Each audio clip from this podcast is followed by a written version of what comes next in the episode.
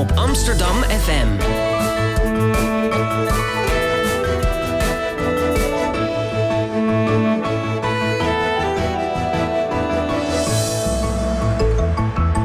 Radio Swammerdam. Zondagmorgen 22 januari 2017. Mijn naam is Luc Brands en u luistert naar Radio Swammerdam. Het slimste uurtje radio op de Nederlandse radio. En natuurlijk de leukste wetenschappelijke podcast ooit. Ehm, vandaag gaan we het hebben over politiek. Ik bedoel, de tijd is ernaar. Twee dagen na de inauguratie van Donald Trump. En vandaag gaan we het dan ook hebben over onderbuik en het hoofd van kiezers. Ehm, mijn medepresentator vandaag is Misha Melita. Ehm Misha, ben jij wel eens boos in het stemhokje? Eh, Echt woedend, hè? ik Echt gewoon dat je het wel- rode potlood in midden wil breken. ja, ik heb wel zelf het idee dat ik heel rationele keuzes maak. Maar nou ja, naar aanleiding van eh, sowieso het onderzoek van Bert Bakker hier aan tafel... dacht ik wel, misschien ben ik toch wel minder rationeel dan ik dacht. En stem ik ook wel eens eh, met mijn onderbuik. en gebruik je wel eens een kieswijzer? Ja, ik gebruik eigenlijk altijd een kieswijzer, ja. Ik probeer er wel zoveel mogelijk te doen. Maar ik ben best wel gevoelig voor wat er uitkomt. Oké. Eh, nou ja, steeds vaker spreken de media over de boze witte man. Ehm, dat hoor je vaak terug. Eh, maar hoe hangen emoties nu eigenlijk samen met onze politieke meningen? Regeert die onderbuik echt? Helpen kieswijzers burgers om slimmere politieke keuzes te maken? Deze en meer vragen eh, gaan we vandaag allemaal proberen te beantwoorden. Eh, en we spreken hierover onder andere met Bert Bakker. Hij is communicatiewetenschapper aan de UvA. Ehm, assistant professor. In zijn Hot Politics Lab bestudeert hij de emotionele reacties van mensen op politiek. En we spreken daar straks wel wat uitgebreider over, maar eigenlijk wil ik voor nu alleen weten... wat is de laatste keer dat jij kwaad werd om politiek, Bert?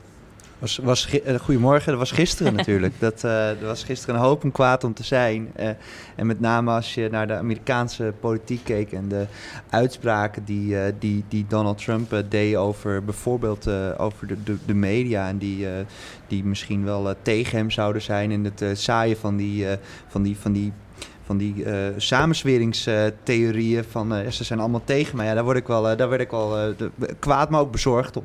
Ja, ik kan me dat heel goed voorstellen. Dus een beetje de Breitbart-achtige Ja, exact. Ja, ja. Oké, ja, n- naast Bert zit eh, Jasper van der Pol. Jasper heeft uitgebreid onderzoek gedaan naar kieswijzen zoals kieskompas en stemwijzer. Hij is ook communicatiewetenschapper aan eh, de UvA. Hij is heel recentelijk gepromoveerd. Volgens mij had hij vorige maand zijn ceremonie voor de kerst. Klopt Ja, dat? ja. Gefeliciteerd nog, Dankjewel. Jasper. Ehm, en hij heeft onderzocht eigenlijk hoe kieswijzers politieke kennis en een politieke zelfvertrouwen van burgers ehm, veranderen. En wat het effect daarvan is. Ehm, Jasper, gebruik jij zelf een kieswijzer vast? Zeker, ja, allebei of allemaal. Misschien niet allemaal, er zijn er zo'n eh, zo'n twintig geloof ik. Dat is Maar, wel heel eh, veel. Ja, ik gebruik ze wel. En, ehm, maar meer om te, te, te kijken of het eh, een beetje hout snijdt. Die, eh, Oké, dus als de kieswijzer iets heel anders zegt dan wat jij normaal zou stemmen, dan... ehm, ben je niet geneigd om dat meteen over te nemen. Nee. Maar blijkt, ja, ik heb ook later ontdekt in mijn eigen onderzoek dat ik niet de enige ben dus, die dat doet. Mooi, daar komen we zo meteen op terug. Ehm, en tenslotte zit hier aan tafel onze vaste columnist Bart van Heerlijkhuizen. Ehm, Goedemorgen. Goedemorgen Bart. Hij is autocent sociologie aan de UvA en hij zal een column voordragen over het Stockholm-syndroom en het Piemelkoor. Ehm, maar daarover later meer. Heb je wel eens een kieswijzer gebruikt, Bart? Eh, ja, ik heb wel eens een keer kieswijzer gebruikt, ja. En toen schrok ik zo verschrikkelijk. Toen bleek ik zo'n keiharde Wilders aanhanger te zijn. Dat ik dacht, dat doe ik nooit meer. Dus dat advies heb je niet opgevolgd, of Nee, wel? nee. En word je er wel eens boos om politiek of werd je toen gewoon boos? Eh, nee, nee, ja, nou ja, nee, ik, eh, ik ben het met Bert eens. De laatste tijd, Trump, dat maakt me nou, misschien meer bang dan boos. En ik heb bijvoorbeeld niet naar de inauguratie durven kijken. En dat was eigenlijk omdat ik bang was dat ik dan zulke heftige emoties zou krijgen... dat ik de nacht daarna niet meer goed zou slapen. Oh, echt? Ja. En, nou ja, ik heb, ik heb de inauguratie wel gekeken en het was inderdaad een eh, emotionele achtbaan. Laten we daarop houden. Ehm, eigenlijk wil ik beginnen met Bert. Ehm, Bert, jij onderzoekt de link tussen emoties en politiek. En je stond daarvoor op Lowlands met Ja. het zogeheten Hot Politics Lab. Mhm. Kan je daar iets over vertellen? Wat, wat onderzocht je precies op Lowlands? Ja, eh, nou, we waren daar van de zomer en we hadden eigenlijk een, eh, een vraag die kwam een beetje. Als je zou zeggen, van, nou, wat is nou maatschappelijke aanleiding? Is toch bijvoorbeeld wel eh, het debat wat we hebben gezien eh, rondom, rondom vluchtelingen. En toen die opgevangen moesten worden in gemeentes in, Mhm. eh, in Nederland. Dat die burgemeesters die nodigden hun burgers eh, uit. En die gingen dan, nou, de mochten, meningen mochten uitgewisseld worden. Voor- en tegenstanders mochten een praatje doen. En nou, met, met de allerbeste intenties om uiteindelijk meer begrip bij burgers voor elkaars positie te krijgen. En hopelijk ook wat draagvlak te creëren denk dat dat wel een, een, ambitie was. En, maar wat je eigenlijk zag gebeuren in die bijeenkomsten regelmatig... was eigenlijk dat er helemaal geen medegezijks begrip uh, ontstond. Er stond eigenlijk vooral heel veel negatieve gevoelens ten opzichte van elkaar. En uh, nou, die zaaltjes die, die kookten bijna letterlijk over van de emoties. Uh, je zag de woede ja, nou, de muur aan. Soms, soms, bij, soms ging het ook echt letterlijk, liep het letterlijk enorm uit de hand. en... Met die piemelkoren, of niet? maar... Ehm, ja. Wat, wat, wat is daar dus eigenlijk de aanleiding van? Is eigenlijk dus het idee van, wat was onze vraag op Lowlands? Van, nou, wat gebeurt er nou als mensen worden blootgesteld aan politieke boodschappen die ofwel aansluiten bij hun eigen mening, of juist helemaal niet aansluiten bij hun eigen mening? Dus ik ben anti Ik heb een negatieve gevoelens voor het opvangen van, van, van immigranten in Nederland. Wat gebeurt er als, ik, als er iemand op het podium staat die vertelt, precies vertelt wat ik wil horen, namelijk dat we dat absoluut niet moeten doen in gemeente X? Of wat gebeurt er als iemand op het podium staat die dat zegt van nou, we moeten daar wel voor zorgen. Het is het, en wat gebeurt er met de gevoelens van mensen? Dat is de eerste deelvraag. Levert dat dus emoties op? En twee, wat zijn daar dan de consequenties van? En hoe meet je zoiets, die emoties? Ja, dat is, dat is een goede vraag. Eh, heel veel traditioneel onderzoek uh, vraagt mensen dat in een vragenlijst. Zeggen, nou, goh, uh, Misha, van, toen je dit hoorde, was je, werd je toen boos? En dan vraag van, nou, op een schaal van 1 tot 7, was je heel boos of helemaal niet hmm. boos? Nou, wat wij zeggen van, nou ja, dat is, dat is een manier om het te doen, maar we willen eigenlijk veel directer van jou weten wat je ervaart. Dus wij hebben in plaats van wat je ons kan vertellen in een vragenlijst, hebben we je mensen aangesloten op, uh, op, op meetinstrumenten die we, wat dan heet, we meten de fysiologische reacties, lichamelijke reacties van de emotie. Dus wat gebeurt er als je een emotie ervaart? Dan er ontstaat er opwinding. Nou, die opwinding die, uh, die, die uit zich in uh, zweet in de vingertoppen en uh, hartslagveranderingen. Dus je, krijgt, je hartslag gaat wat omhoog. En we willen natuurlijk ook weten of die emotie positief of negatief is. En daarvoor meten we ook samentrekking in je gezichtspieren. Dus op het moment dus dat je... ga je fronsen als je het er niet mee eens bent. Exact. En lachen als je het er, als je het er wel mee eens bent. Positief, nou, als je positieve gevoelens ervaart. Ja, precies. En zagen jullie toen inderdaad dat als mensen iets een boodschap zien waar ze het mee eens zijn, dat ze beginnen te lachen of dat ze ontspannen in hun gezicht? Uh, nou, dat is dus eigenlijk, uh, dat, dat is een dat was wel onze verwachting en dat lijken we niet te vinden. Wat we wel lijken te vinden is, het is andersom. En dat is wat ook wel de maatschappelijke observatie was. Van, nou, dat op het moment dat mensen worden blootgesteld aan dingen waar ze het absoluut niet mee eens zijn, dat ze dan ook echt negatieve emoties ervaren. Dan worden ze echt boos. Ja, of, of angstig. Dat, dat is, voor ons is het nee, we kunnen niet zo goed met die lichamelijke metingen zeggen van is het boos of is het angst. Maar het is in ieder geval negatief. Hmm.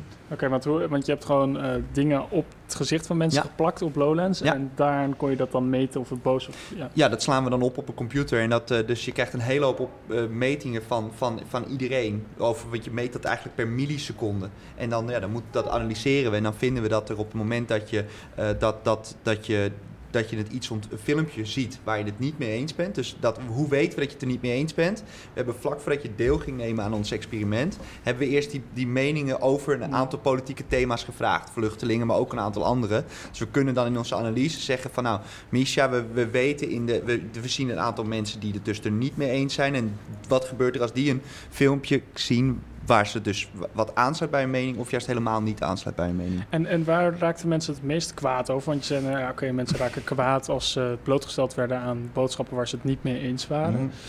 Ehm, welke waren dan bepaalde thema's waar mensen heftiger op reageerden dan? Uh, Zeker, ja. We, zien, uh, we, hebben, we, hadden, we hadden vier thema's gekozen, niet helemaal willekeurig. Hadden we vluchtelingen, dus immigratie eigenlijk. Dat was natuurlijk een heel belangrijk thema vorig jaar voor veel mensen. We hadden ongelijkheid, dat is nou, traditioneel in Nederland een, een thema wat, wat belangrijk is. Maar we hebben ook uh, klimaatverandering gedaan.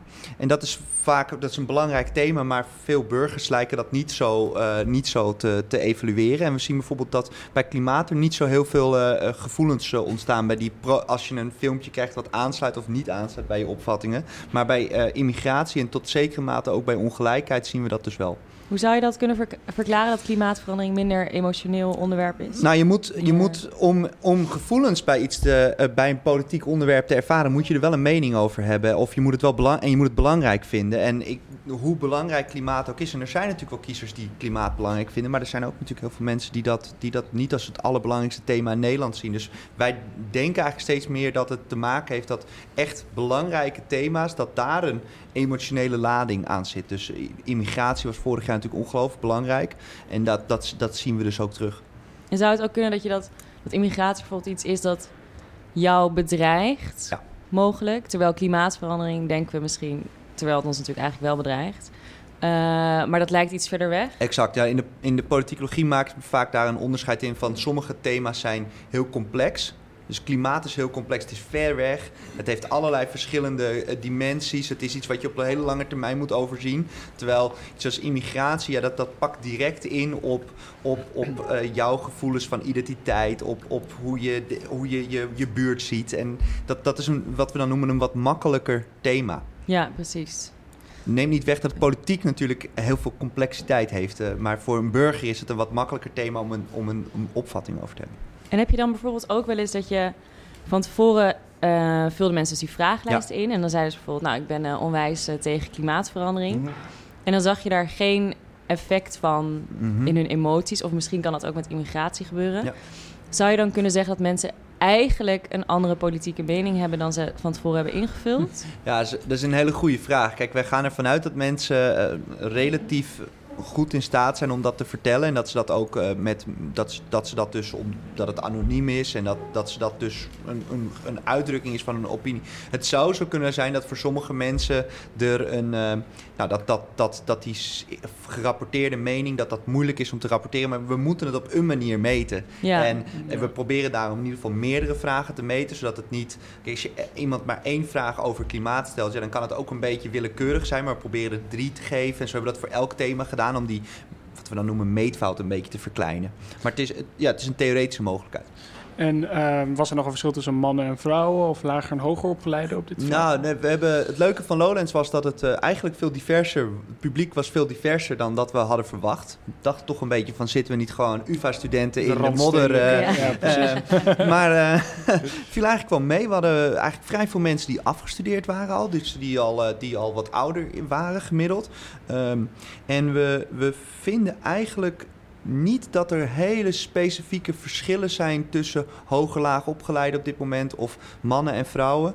Wat we wel doen, omdat dit op Lowlands was gedaan, uh, we, we, nemen ook een paar dingen mee in onze analyses die we normaal misschien niet zouden doen. We deden dit dus in overdag tijdens Lowlands. Dus we hadden ook een meting van of mensen wat gedronken hadden. Mm. Dus we hadden een alcoholmeter bij ons om uh, een beetje ervoor te zorgen van... Nou, je kan toch verwachten, misschien niet zozeer voor een politieke opvatting... maar vooral voor een lichamelijke reacties dat alcohol wat... Um, wat ja, wat, ja, uh, ja, je bent misschien wat blijer. En, uh, dus dus, dus dat, dat nemen we wel mee. Maar ook daar, ah, er zit soms... We, we controleren daarvoor de statistisch in onze analyses... of, er, of het, de mate van alcohol in je bloed misschien een, een kleine vertekening heeft. Het is eigenlijk allemaal heel beperkt. Oké. Okay. Maar dan, uh, ja, die boze witte man, dat wordt vaak gesproken over een lager opgeleide. Mm -hmm. um, in dit geval zou je dus niet willen zeggen dat, dat, dat die bestaat. Of, maar dat die, nou, ik denk dat, ik, denk dat het, ik denk dat het niet zozeer de vraag is op dit moment wat er veel wordt gezegd, is er zijn sommige mensen zijn boos en bang over politiek. En, en daar wordt vaak in, in, in media of in analyses wat over wat de suggestie gedaan dat dat vooral mensen zijn die ongeïnteresseerd, wat lager opgeleid zijn, die dan als een soort ja, door hun emoties geleid tot allerlei uitkomsten, dus stemvoorkeuren komen die we normatief misschien uh, wat, minder, uh, wat minder wenselijk vinden. Als het dan, uh, de, zo, dat soort analyses zie je vaak. Eigenlijk wat wat ons onderzoek suggereert en wat we, uh, wat we ook vinden dat, dat het misschien dit stukje van de emoties vooral bij mensen plaatsvindt die juist geïnvesteerd hebben in, in politiek, die ergens iets vinden. Als je, als je niets vindt, dan kan je dit ook niet ervaren. Dat wat we net over klimaat ook hadden. Dus het, het, is een, uh, het is denk ik ook niet meer de vraag of emoties er te doen. Ik denk dat er verschillende manieren zijn dat emoties ervoor doen. En de, de emoties die wij nu onderzoeken, dat zijn uh, vooral emoties in die ontstaan wanneer je iets ziet waar je niet mee eens bent, ja, dat ontstaat juist ook bij mensen die juist er heel veel, heel veel in de politiek geïnvesteerd hebben, die, die geven om die thema's, die een standpunt hebben over immigratie of ongelijkheid. En ik denk dat dat niet per se altijd strookt met het stereotype van de... Van de, van de, De cynische burger Ja, die, de zit van- ja, afgekeerde die afgekeerde burger die vanuit die algemene boosheid dan maar Hmm. voor een bepaalde partij gaat stemmen.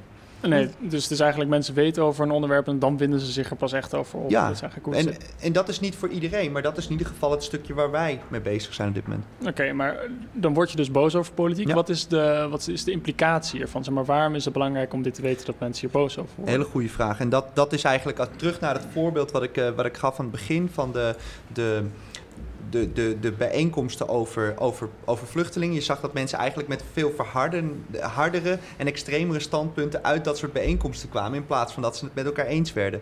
Wij denken dat die negatieve emoties, en daar zijn we, dat zijn we nu aan het analyseren. Dus op het moment dat je negatieve emoties ervaart in reactie op iets waarmee je het oneens bent, dat dat een, een een traject in gang zet van denken. En het denken is als volgt. Nou, je, je ervaart die negatieve emoties. Ik zie iets waar ik totaal mee oneens ben.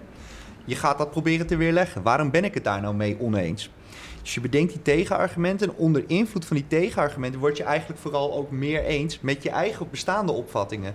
En dus zijn die emoties in feite een, een katalysator, een versneller van, van een proces van polarisatie. Namelijk dat mensen het dus eigenlijk onder invloed van die negatieve emoties steeds minder met elkaar eens worden. Doordat hun meningen uit elkaar gaan lopen. Dus het is juist niet goed om bij elkaar te komen met tegenstelde meningen. Nou, dat, is, eh, dat zou de eerste suggestie zijn, kunnen zijn die je uitneemt. Maar ik, ben, eh, ik denk dat, dat dat debat heel goed is. Maar ik denk wel dat, eh, dat, dat je misschien dit soort ongecontroleerde uitwisselingen van extreme standpunten, zoals we, dat, zoals we dat steeds vaker zien, ook op televisie en op de radio, dat dat niet helpt. Ik denk dat een, een, een wat klein, in kleinere groepen bij elkaar komen. Dat is een suggestie, hè? Wat kleinere groepen bij elkaar komen, misschien wat, wat, met een wat strakkere deba- debatleiding, dat dat wel helpt. Dit is helemaal geen eh, de oproep tot, het, eh, tot censuur, maar wel het, eh, het, het, het ongestructureerd uitwisselen van extreme standpunten, zoals we ook bijvoorbeeld hebben gezien bij eh, Alexander Pechtold, die in debat ging bij Pauw met een paar eh, Hmm. tegenstanders, of de, eh, het vaccinatiedebat wat we hebben gezien bij, eh, bij, bij Pauw.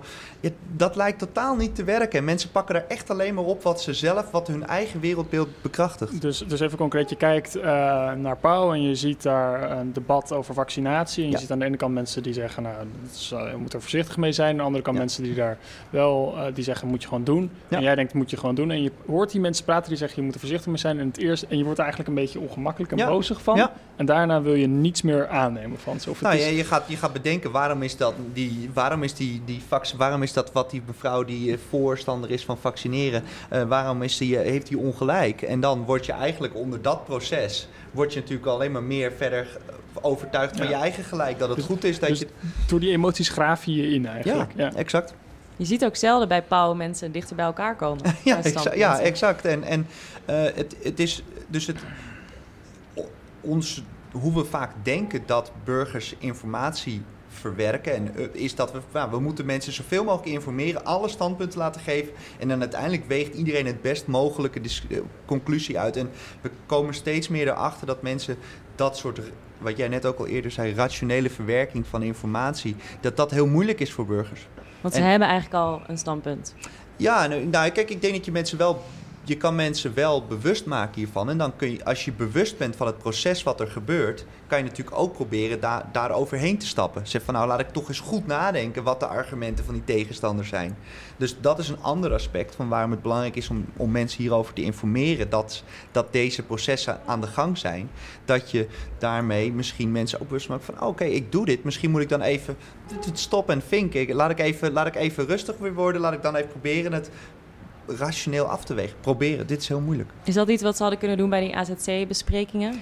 Ja, nou, je ziet de burgemeesters zijn wel een beetje afgestapt van dit soort publieksbijeenkomsten. Ze doen het veel meer in kleinere groepjes met, eh, met debatleiding, met mensen die daar, eh, die daar wat in getraind zijn. En, en dan inderdaad, dan lijkt het dat.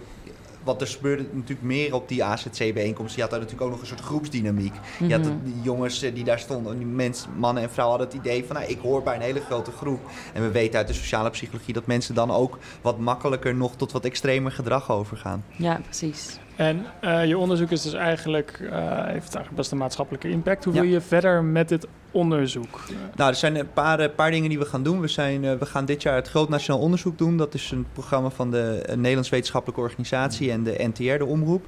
En we willen door het land heen om, om nog meer mensen te onderzoeken. Want Lowlands was bijvoorbeeld best een een, een, een, een, een groep mensen die we hebben kunnen onderzoeken die redelijk divers was. Maar, we heel eerlijk zijn, op Lowlands komt ook niet een dwarsdoorsnede van de maatschappij. Dus we willen naar andere plekken waar, waar, waar we mensen kunnen onderzoeken die misschien ook niet zo geneigd zijn om naar ons laboratorium in Amsterdam te komen. Naar Volendam, naar Urk, naar, naar Venlo. Uh, en dat is, dat is niet alleen een leuk uitje voor onderzoeker, maar we, kunnen, we merken namelijk dat mensen het heel leuk vinden om mee te doen aan het onderzoek. We kunnen mensen ook vrij snel dus ook iets teruggeven van... hé, hey, we zien dat jij zo reageert. En dat, dus we, we hopen dat mensen op de, op de marktpleintjes willen komen. Dus dat is een eerste stap, dus eigenlijk meer... Een mobiel laboratorium. Exact, ja, we noemen het de stembus. en uh, om, om, om eigenlijk een, een bredere... Uh, een bredere groep mensen te krijgen. Dat is, dus, dat is eigenlijk stap 1. En uh, stap 2 is, is eigenlijk, we hebben het nu over thema's gehad. Dus over immigratie, over ongelijkheid.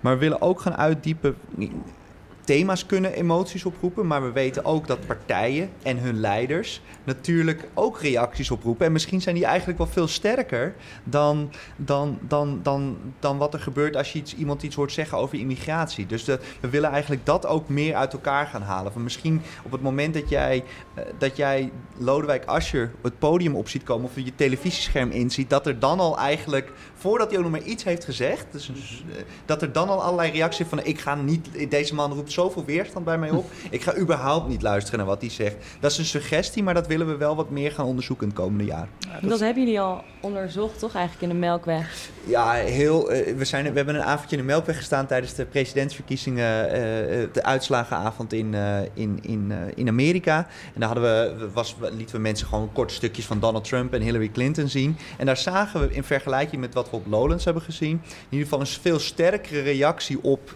zowel Trump als Clinton. Dit was geen echt heel goed wetenschappelijk onderzoek. Het was meer een publieksdemonstratie, zoals mm. we ook hier in de OBA zouden kunnen doen. Maar het geeft wel een suggestie dat misschien politieke leiders, zeker degenen die goed bekend zijn, dat die misschien wel veel meer reactie opleveren nog dan, dan thema's. Hoe zou je dat verklaren dat mensen of politieke leiders meer reactie oproepen? Uh, nou, de eerste suggestie die we, die, we, die we daarover hebben is... Nou, misschien is het toch ook gewoon bekendheid. Het is makkelijker. Misschien is het ook wel iets wat we, waar we als mens zijnde wat meer het, het, beoordelen en evalueren van een ander persoon is misschien iets wat we eigenlijk heel veel doen, niet alleen in hmm. politiek. Dus misschien dat dat daar ook wel bij hoort. Als jouw baas of jouw docent binnenkomt, dan heb je ook gelijk een reactie. Als ik de collegezaal binnenkom, dan heb ik wel een beetje het gevoel hoe mijn evaluaties gaan zijn. Uh. misschien moet je daar een keer de emoties bij. ja. Oké, okay, uh, Bert, het uh, klinkt allemaal heel interessant en we kijken heel erg uit naar, uh, naar je vervolgonderzoek. Ja, zeker. En we hopen het vanzelf te zien op, de, op televisie misschien of op de radio. Absoluut. veel succes ermee. Dank, dank voor je verhaal. Um, en nu wil ik eigenlijk over, nu we het zo over de boze witte man hebben gehad, naar onze vaste... Onze eigen, zo, onze eigen boze witte man, wou ik zeggen. Maar toen keek Bart me zo rustig aan dat ik het niet over mijn lippen kreeg. Uh, Bart van Herikhuizen, dames en heren. Hij is onze vaste columnist, oud-docent oud sociologie. Je bent nooit oud-socioloog, dat blijf je voor het leven. Zo is het. Um, met een interessante column. Uh, Bart.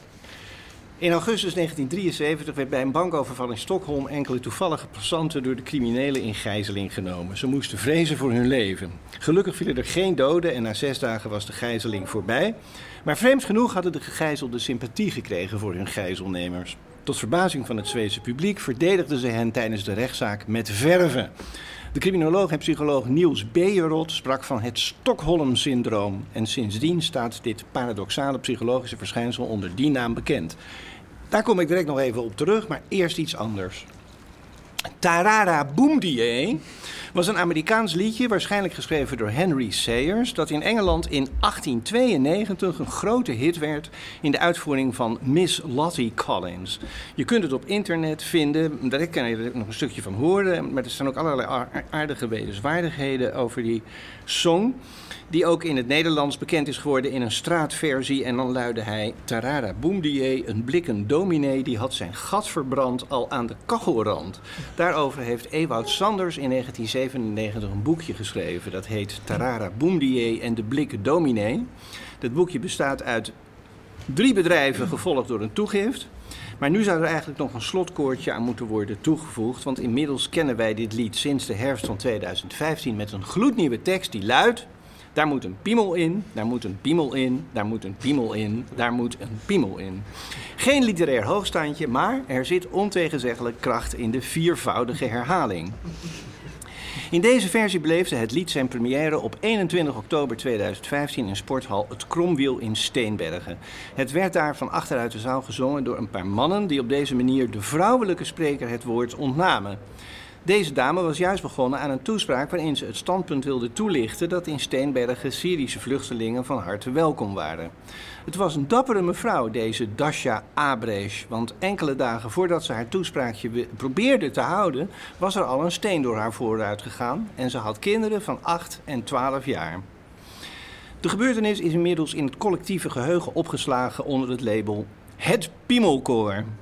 Cabaretiers van het programma De Quiz hebben er een parodie op gemaakt. Columnisten hebben er commentaren op geleverd. DJ's hebben het al als zempel gebruikt. In de kranten verschenen interviews met de leden van het koor. En dat bleven, bleken hele brave huisvaders te zijn. Oprecht bezorgd over de instroom van vluchtelingen in hun gemeente. Door al dat geanalyseerd, gerelativeerd, geconceptualiseerd en gecomediseerd werd de gebeurtenis vakkundig ontdaan van alles wat er bedreigend aan was. Dat desensitiseren heeft natuurlijk een groot voordeel. Het werkt angstverminderend.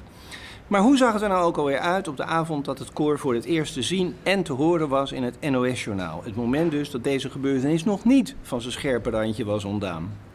Probeer je nou eens voor te stellen hoe het moet zijn ervaren door bijvoorbeeld een meisje van 13 die net op school een spreekbeurt heeft gehouden over Anne Frank, die ze een beetje obligaat heeft laten eindigen met het pleidooi om lief te zijn tegen asielzoekers. Wat zag dat meisje toen ze met haar vader en moeder naar het journaal keek? Ze zag een groep woedende mannen die de spreekster het woord ontnamen door te zingen: daar moet een piemel in. Waar moest die piemel precies in?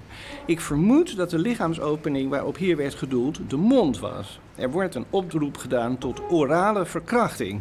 Het gat waar de woorden, een oproep tot hulp aan vervolgde mensen, uitstroomden, moest worden afgesloten. En de effectiefste manier om dat te bereiken was door er een penis in te duwen. Zo zorg je ervoor dat wijven hun bek houden. Shut up and suck that dick, bitch. Mijn dochter is gelukkig 30 en niet 13. Dat was namelijk de leeftijd toen ze haar spreekbeurt hield over Anne Frank. Maar ik weet zeker, ze zou zich destijds kapot zijn geschrokken. De laatste tijd lees je vaak dat boze blanke mannen gegriefd zijn en dat de leden van de elite zich nu eindelijk eens gedwongen moet zien om hun arrogantie opzij te zetten en zich eens te verdiepen in wat deze mensen zo diep heeft gekwetst. Elke wetenschapper, van de psycholoog en de politicoloog tot de socioloog, zal het ermee eens zijn dat onderzoek hiernaar belangrijk is. The hidden injuries of class, de onzichtbare krenkingen die de mensen aan de onderkant van de maatschappelijke ladder moeten voortduren, dienen nauwgezet en gebruikmakend van de methodes van het invoelend verstehen begrepen te worden. In de sociologie moeten we vooral ook nadenken om manieren om zulke geestelijke verwondingen tegen te gaan en liefst te voorkomen. En niet alleen in de sociale wetenschappen moeten we dat doen. Ook journalisten hebben de plicht om te berichten over de belevingswereld van mensen die zich bevinden op de plekken waar de hardste klappen vallen. Mensen die, vaak, die het vaak ontbreekt aan de mogelijkheid om hun stem te laten horen in het publieke discours. En daar ligt ook een taak voor politici, voor dominees, voor rechters.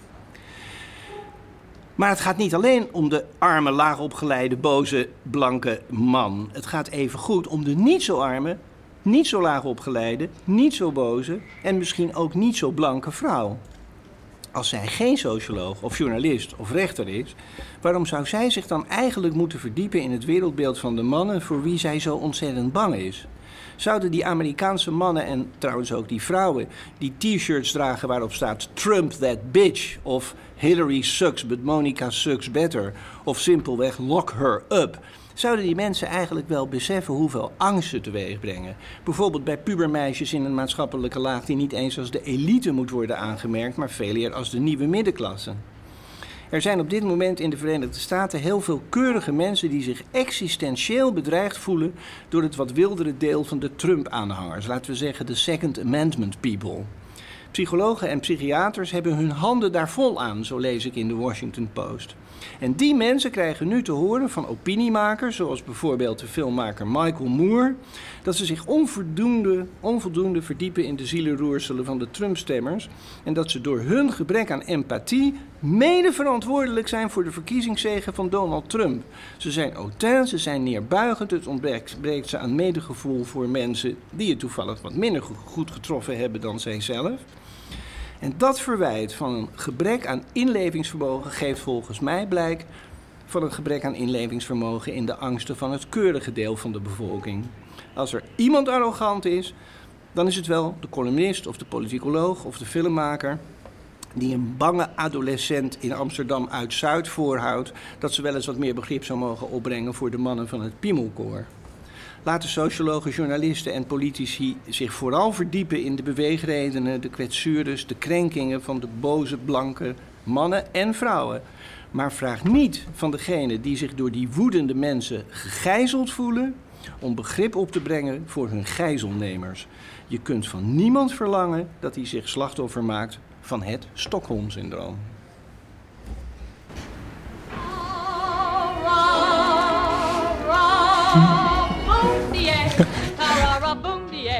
Tarara boom die tarara boom die tarara boom die tarara boom die tarara boom die tarara boom die I've been pretty pally with all the boys from uh, Bart voor deze column uh, over de boze witte man, het Stockholm-syndroom en het Piemelkoor. Um, Misha, eigenlijk wil ik misschien wel eerst jouw reactie horen. Ja, als enige vrouw aan tafel. ja, ik werd wel een beetje aangesproken. Dat is wel... Uh... Nee, ik denk dat het uh, een goed, uh, een goed ander perspectief is. En sowieso om dit wat een beetje de aandacht af te leiden van...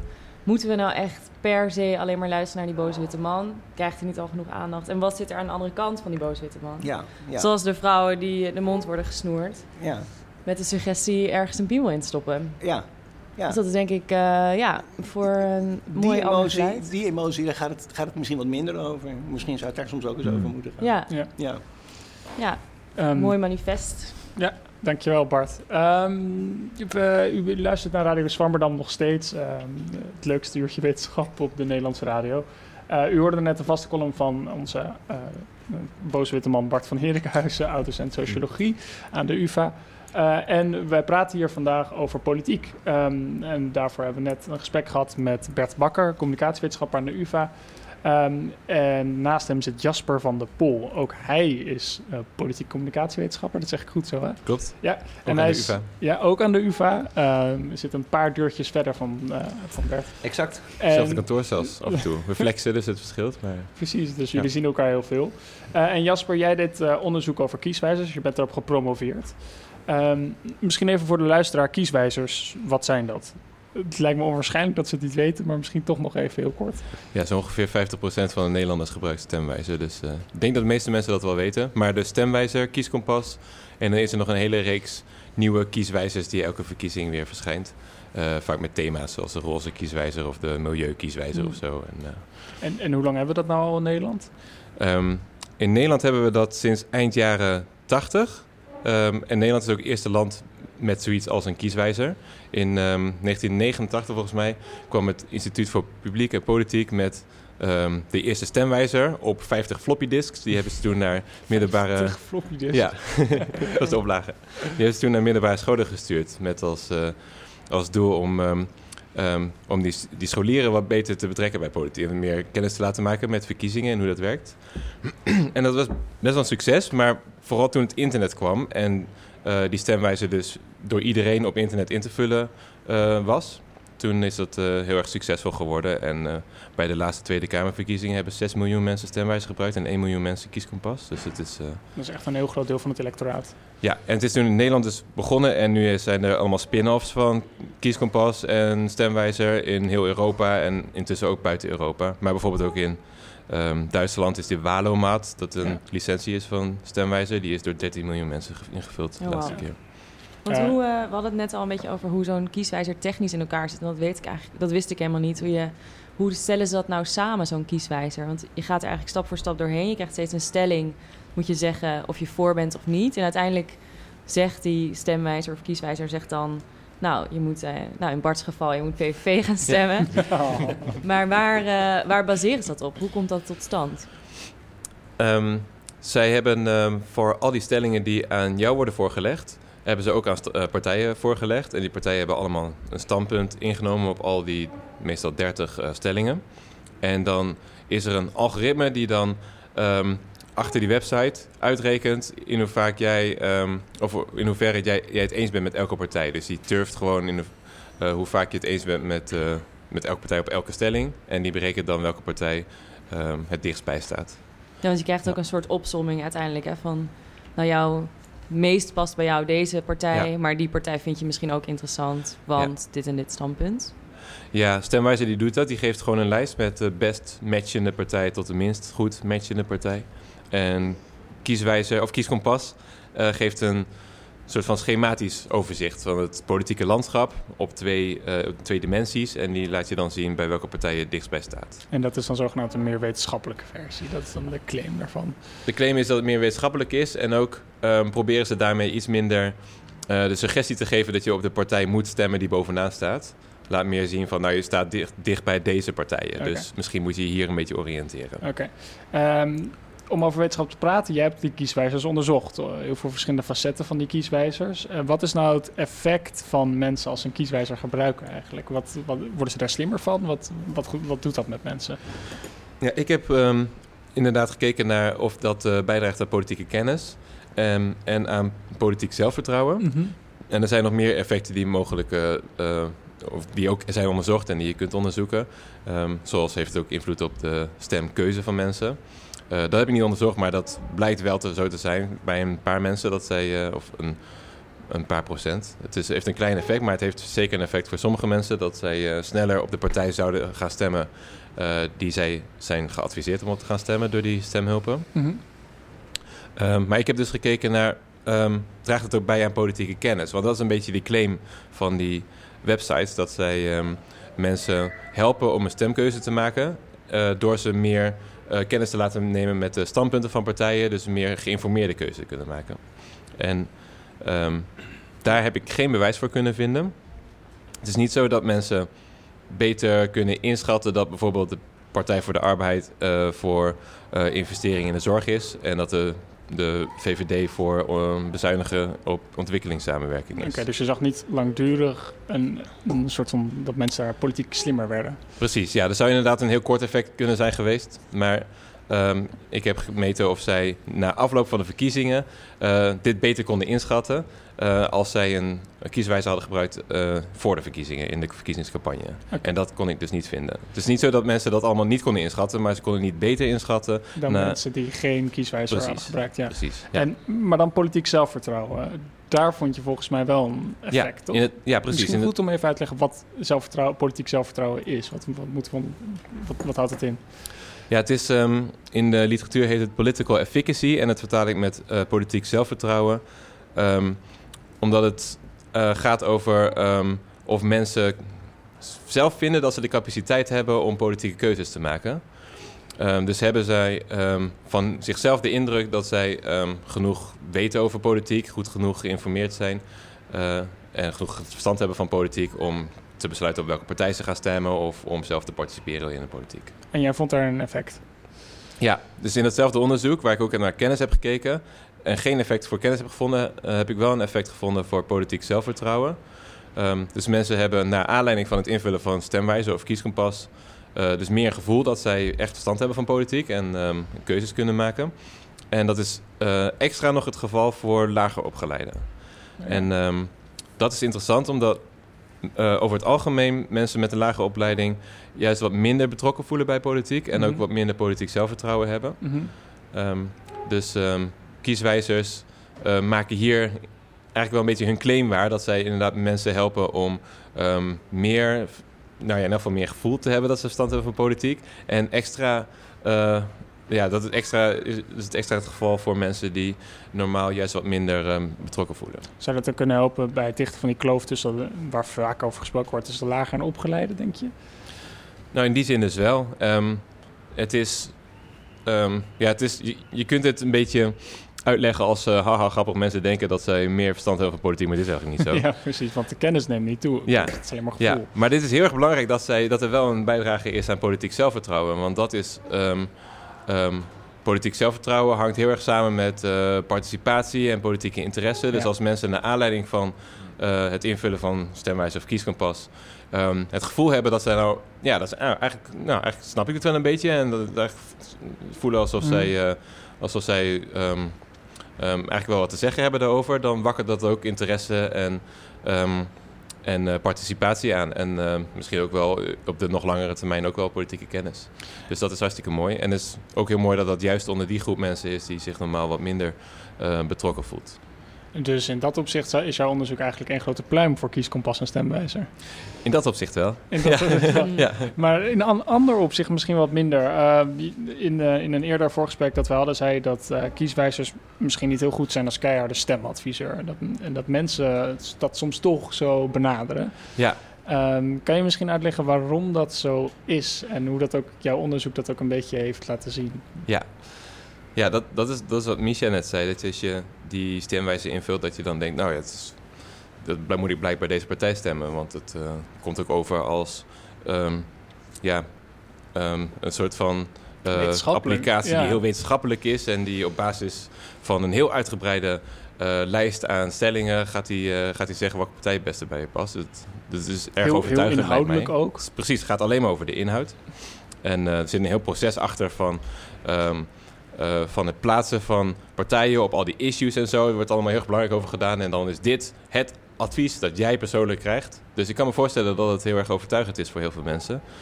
Maar um, die kieswijzers, die stemwijzer en kieskompas en andere kieswijzers, die um, um, zijn wel gestoeld op heel veel aannames. En daarnaast zijn er ook nog allemaal biases. Dus ik zou inderdaad willen overtuigen om het, of uh, inderdaad willen zeggen dat je dat niet heel erg serieus moet nemen.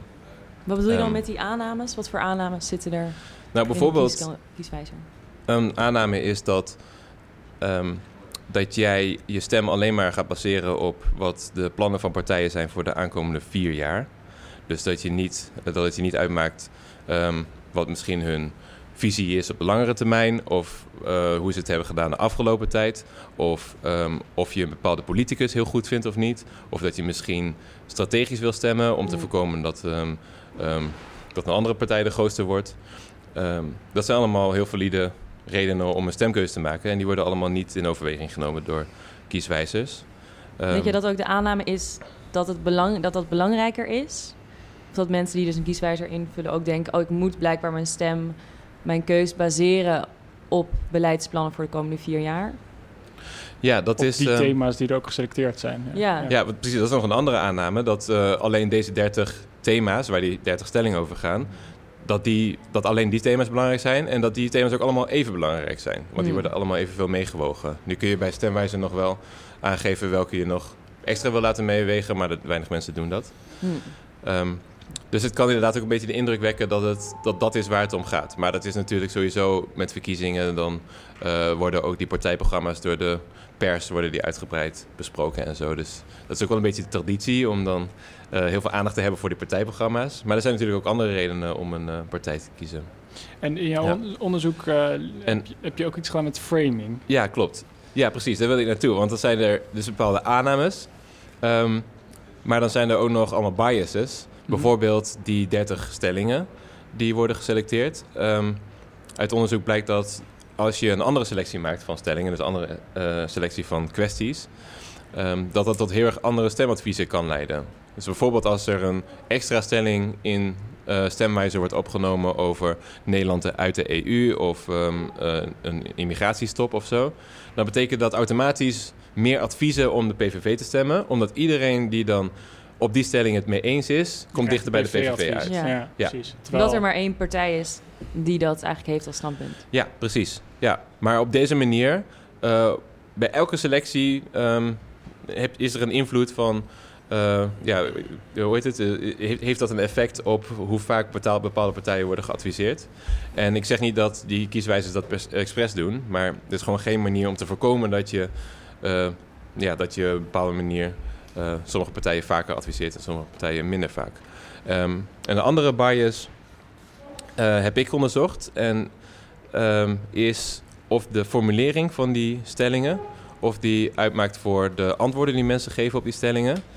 En als mensen andere antwoorden geven op stellingen, krijgen ze natuurlijk ook een ander stemadvies. Dus is dat bijvoorbeeld dat je een stelling negatief formuleert... en dat je dan bijvoorbeeld dubbel niet moet zeggen... waardoor mensen in de war raken?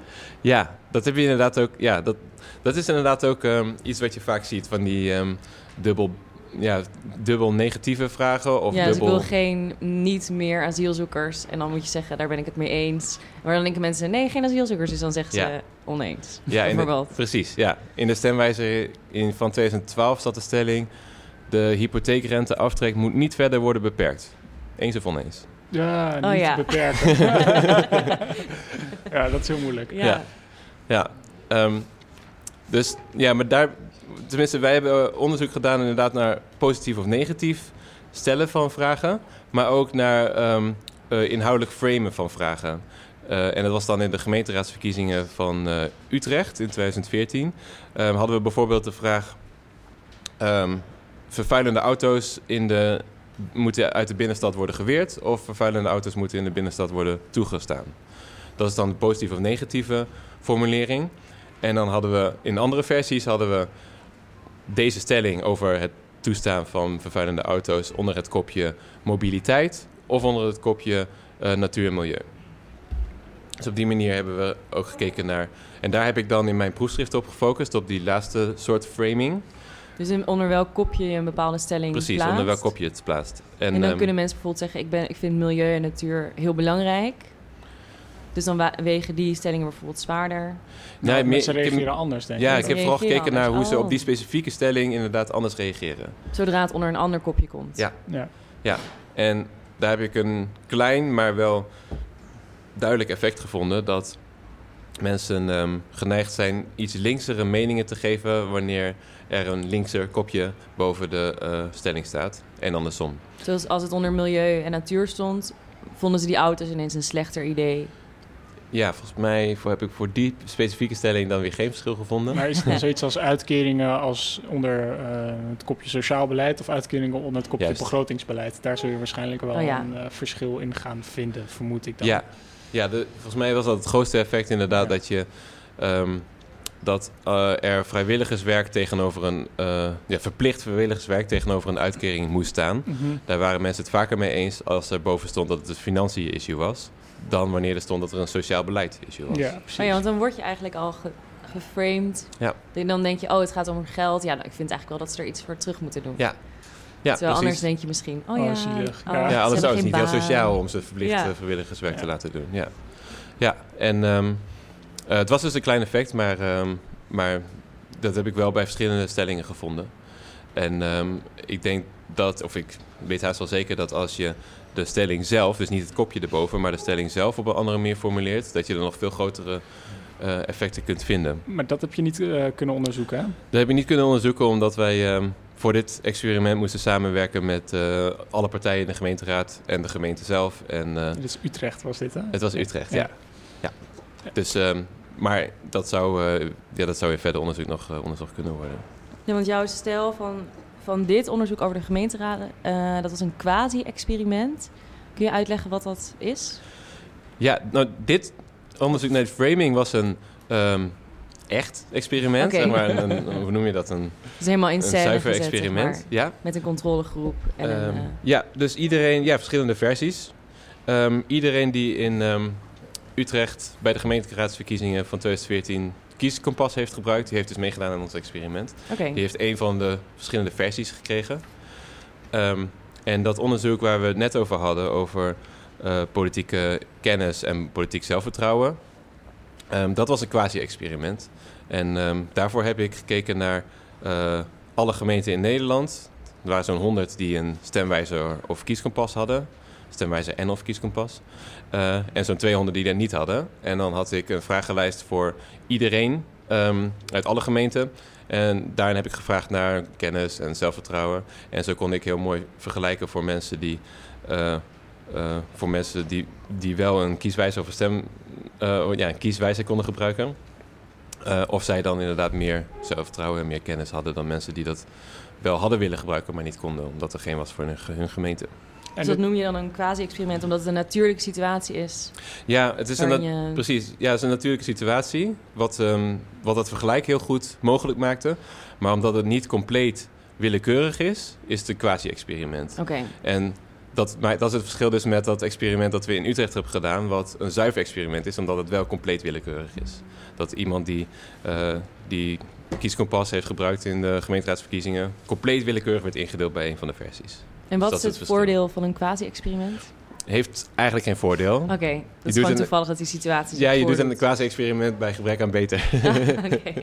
ja, een zuiver experiment is altijd beter. Maar dat is gewoon, eh, dit onderzoek was gewoon niet mogelijk om, eh, eh, om daar, ja, om, om dat op een zuivere manier te doen, zeg maar. Om daar complete eh, randomisatie te hebben. Ja, Complete willekeurig. Dat hadden we wel, wel willen doen, ook in Utrecht. Maar dat is, eh, daar heeft de burgemeester toen een stokje voor gestoken. oké. eh, Burgemeester hemzelf. ja, Nee, ja, Niet met mijn burgers. Nee, we hadden daar de blijkbaar grote fout gemaakt door ehm, op een panel van de eh, kiezers, of ja, een panel van de burgers van eh, Utrecht, de vraag te stellen wat zij van plan waren te gaan stemmen. Zodat we ook konden kijken, eh, maakt die stemwijze dan nog uit? Als je de stemintentie vergelijkt met wat ze uiteindelijk zijn gaan stemmen. Ja. Heeft de stemadvies daar een Ja. invloed gehad?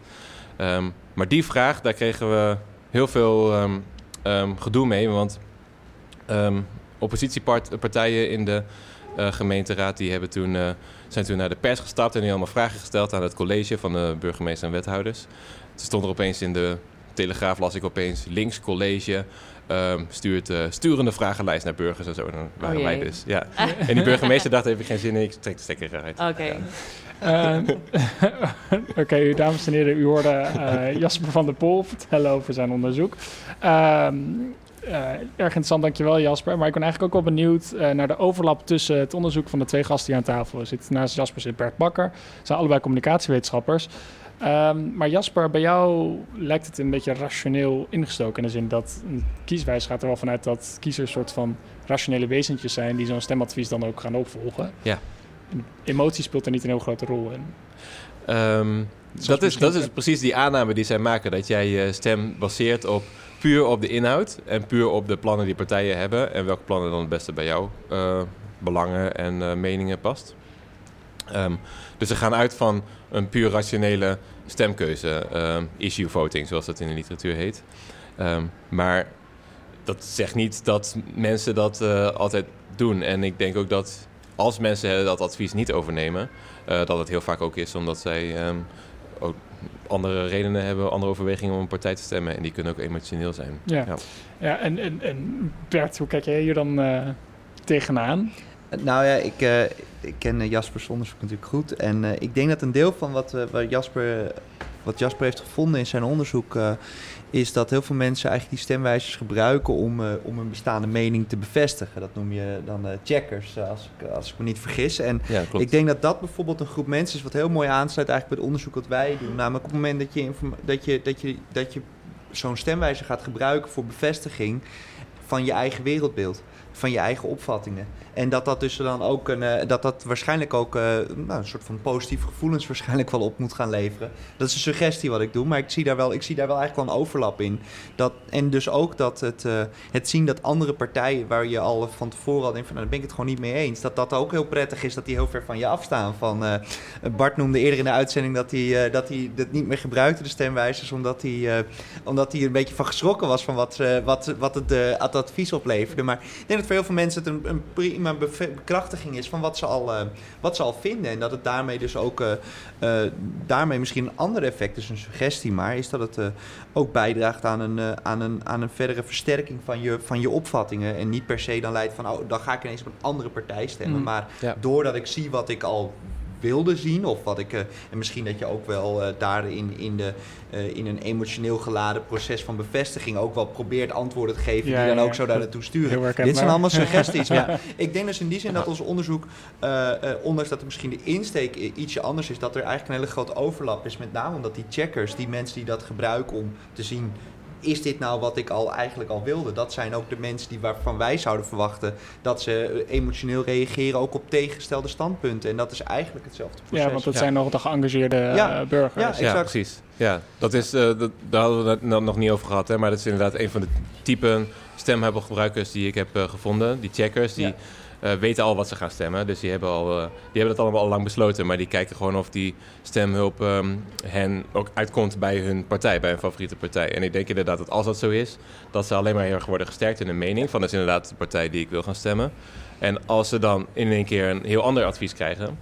ehm, dat ze dan eerder denken, nou, dan zal die stemhulp wel nergens op Exact, slaan. exact. En dat is waarschijnlijk een soort van. eh, dat, ik bedoel, als we dat een keer fysiologisch zouden testen, zou dat misschien ook wel een soort van, eh, van negatief. van, wat is dit nou voor onzin dat, Ja. hier, eh, Ja. dat ik ineens een D66-stemmer ben? Wat is dat nou? Misschien moeten we dus mensen kieswijs laten invullen en zo vol hangen met allemaal zuignappen om die informatie. Ja, exact. Ja. Ja, dat zou een mooi onderzoek zijn. Ja, Ja, Dat Mooi kan nog eh, misschien volgende keer Lowlands of misschien de aanloop naar de Tweede Kamer. Exact. Ja, ja, ja, Ja. Ideeën te over. Ja, idee te over. Eh, Jasper, ehm, ga jij zelf een eh, kieswijzer invullen? Invullen? Ja, komende, verka- komende Kamerverkiezingen? Natuurlijk, ik ben hartstikke benieuwd waar ze nu mee komen. Ja. ja. Maar ik Wat denk, ik ben wel een checker. Ja, ik. Dus ik ga ja. kijken of het, eh, of het deugt. Ja. En, eh, en eh, vul je dan ook wel eens de vragen zo in dat je op een bepaald iets uitkomt? Of? Ehm, dat, dat, dat- heb, ik oprecht wel eens gedaan, denk ik. Dat Ja. ik dacht van, oh ja, ik ga hier wel een beetje met het klimaatstandpunt eens zijn. Zodat ik toch een beetje bij GroenLinks uitkom, Ja. bijvoorbeeld.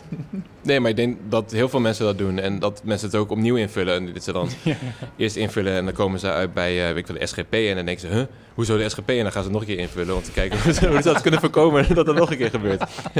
Maar dan zou het toch eigenlijk ook goed zijn als ze dan op het einde nog zouden zeggen... het komt door deze standpunten dat je nu Ja. op dit advies uitkomt. Maar dat zegt hij ook. Oké, dat Ja. zegt hij wel. Weinig mensen die dat bekijken, maar Ja. dat... eh, Ja, maar dat, dat is dus inderdaad wel een goed effect ervan. Ja. Dat is dus wat ik toen deed. Ik kwam Ja. dus uit op die PVV en dat beviel me dus helemaal. Ik maakte in het begin een grapje, hè, maar het is toch eigenlijk heel serieus. Ik Ja. was dus heel zeker van mijn zaak. En Ja. ik werd dus juist onzeker door die stemwijzer. ja.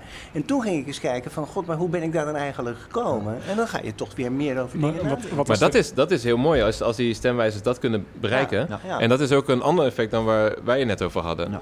Eh, maar dat kan inderdaad net zo goed dat je heel zeker bent van je zaak. Maar dan door die stemwijzers, eh, die kieswijzers, wordt getriggerd om ehm erover na te Om denken. zekerder te worden. Ja, ja. en dan toch nog maar eens goed te kijken van wat Ja. vind ik nou eigenlijk en wat vinden partijen eigenlijk. Dus Eh, dat, is ook echt hoe je dus een stemwijzer zou moeten gebruiken. Als je een soort stemwijzer advies zou mogen geven. Ja. Doe er zoveel mogelijk. En kijk vooral door welk standpunt het komt dat je een advies Ja. krijgt. Absoluut, ja. Dus ik heb, ik heb er een beetje negatief over gedaan, maar ik vind het heel goed dat ze er zijn. En ik vind dat mensen ze absoluut mo- moeten gebruiken. Alleen dat eerste advies dat je krijgt, niet klakkeloos overnemen. Oké. Ja. Eh, nou, we horen de eindtune al, dames en heren. Ehm, eh, we hadden hier aan tafel, eh, hebben we vandaag gesproken over politiek in de, het dossier Zwammerdam Stemt. Aan tafel zaten Jasper van der Pol, u hoorde hem net ehm, eh, nog even, eh, communicatiewetenschapper. Ehm, en hij heeft onderzoek gedaan naar kieswijzers. Dankjewel Jasper, fijn dat je er was. Eh, naast hem zat Bert Bakker. Hij is ook politiek communicatiewetenschapper en ook aan de Universiteit van Amsterdam. Hij doet onderzoek naar eh, hoe mensen emotioneel worden van politiek, of Mhm. juist niet. Ehm, we zullen hem misschien nog wel terugzien ergens op de televisie, ehm, want hij gaat eh, de tv op met zijn plannen. Maar in ieder geval, dankjewel Bert dat je eerst nog even bij ons was hier. Hartstikke leuk, dankjewel. Ehm, we hebben eh, vandaag ook een hele interessante en eh, eh, diepgaande column gehoord van, van Bart. Bedankt Bart voor je column, Bart van Hedekhuizen. En naast mij zit Misha Melita. En ik wil Misha graag bedanken voor de co-presentatie, dankjewel. En Mirjam natuurlijk, ook voor de techniek. Dank je Mirjam. Later vanmiddag kunt u de hele uitzending op Soundcloud terugluisteren. Eh, u moet ons natuurlijk ook liken op Facebook. We willen echt duizend likes zo snel mogelijk. Eh, volg ons ook op Twitter. Kijk op onze website www.radioswammerdam.nl En kijkt u daar alsjeblieft eens, want ik heb er heel hard aan gewerkt. Het zou zonde zijn als niemand daar naar kijkt. Eh, Radio Zwammerdam kunt u natuurlijk ook luisteren als podcast. Dat is eigenlijk het allerleukste. Eh, dan hoeft u niet meer te vertrouwen op Amsterdam FM en kunt u gewoon op uw iPhone vertrouwen. Subs- subscriben kan via de iTunes Store of waar u dan ook uw podcasts eh, kunt terugluisteren. En dan heeft u elke zondag een kerstverse Zwammerdam podcast op uw telefoon. Ehm, volgende week zijn we er weer om 11 uur. Eh, dan met criminoloog Benet Kleinberg en historica Eleni Braat over geheime diensten en internationale diplomatie en geheimen en leugens. Dus het wordt een hele geheime uitzending. Ehm, maar hij is om 11 uur. Ehm, waar die wordt opgenomen, dat is geheim. Mijn naam is Luc Brands. U luistert naar Radio Zwammerdam en we wensen u voor nu een fijne zondagmiddag. Dank u wel.